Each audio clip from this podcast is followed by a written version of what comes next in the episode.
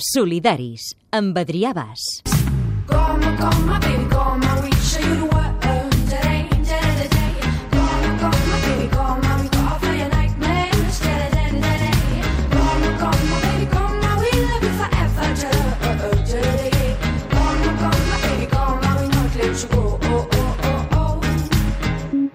Cada dissabte, de 3 a 4 de la tarda, a Catalunya Ràdio. I n'hem parlat molt aquests dies de les causes i de les possibles conseqüències de la victòria de Donald Trump a les presidencials d'aquest país. Els solidaris també ho volem fer, però centrats en el nostre negociat. Volem saber què suposarà el mandat d'aquest empresari reconvertit a polític republicà que fins i tot ha perdut suport dins del seu propi partit. Com afectarà l'era Trump a la pau, la justícia social i els drets humans? Eva Pineda, què tal? Bona tarda. Hola, bona tarda, Adrià. Oh, say, can you see? Com ho veus tu això? Pinten bastos per al sector més vulnerable de la societat nord-americana, tot i ser el que més l'ha votat? Li he preguntat a Antoni Trobat, que és periodista del Crític, eh, que ha investigat a fons la història dels Estats Units i ha seguit molt de prop la campanya de Donald Trump. si les fàbriques no es tornen a obrir, si els sous no pugen, els drets socials no s'amplien mínimament, la base que l'ha suportat durant aquests comicis eh, veurà molt afectada i, i per aquí li podran venir les protestes. No pas de la banda progressista stricto sensu, sinó tot aquell món de classe treballadora marginat per aquells anys de neoliberalisme que busca sortides amb ell i que és de preveure que, que no en trobarà. 306 vots a favor per Donald Trump, 232 per Hillary Clinton, un país clarament dividit. I tant, i jo em pregunto, com s'ha arribat a aquesta situació? Ha fallat des del Partit Demòcrata, no? Segurament Hillary Clinton no és la millor candidata. Si la cosa està com està és perquè els opinadors progressistes de la New Yorker i el New York Times han viscut d'esquenes el dolor font i molt, i molt cert de, de molt de compatriotes seus durant anys, durant dècades. Una, una classe social que s'ha descomposat, com era la classe mitja americana des, de, després de la Segona Guerra Mundial. Evidentment, la, la qüestió és no criminalitzar aquests votants, tampoc no, no són votants racistes, senzillament és gent desesperada. Vull dir, els Estats Units és un lloc molt desigual i això es paga.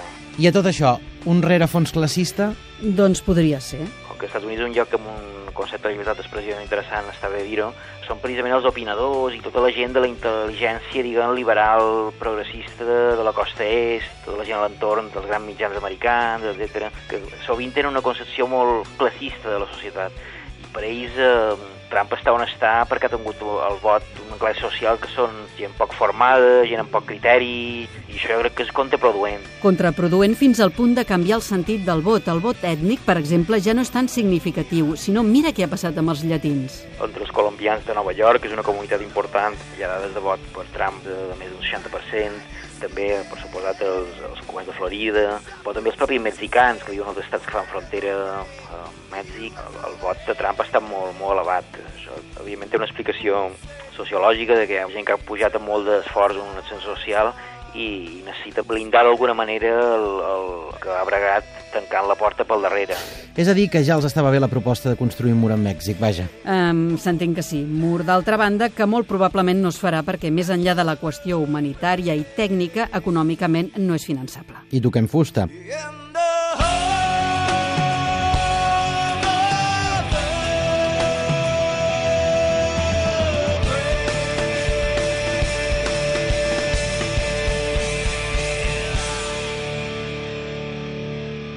Veig que l'únic que està clar és que s'obre un període d'incertesa. Caldrà esperar el dia 20 de gener, quan el demòcrata Barack Obama traspassi els poders de veritat a Donald Trump. Hem d'esperar, doncs, que el Trump candidat, groller, racista i xenòfob, doni pas a un Trump president més conciliador i pragmàtic. I was born in my own hospital, a great hospital, the best you could imagine. Delivered by the doctor that I bought. And he thanked me. He said, Donald, thank you. This is terrific. La clau una mica estarà en, en com gestiona la seva relació amb la resta del Partit Republicà, no? Si d'alguna manera intenta construir una coalició amb els sectors, diguem-ne, més moderats del Partit Republicà, representats per les majories que hi ha ara mateix al Congrés i al Senat. Eh?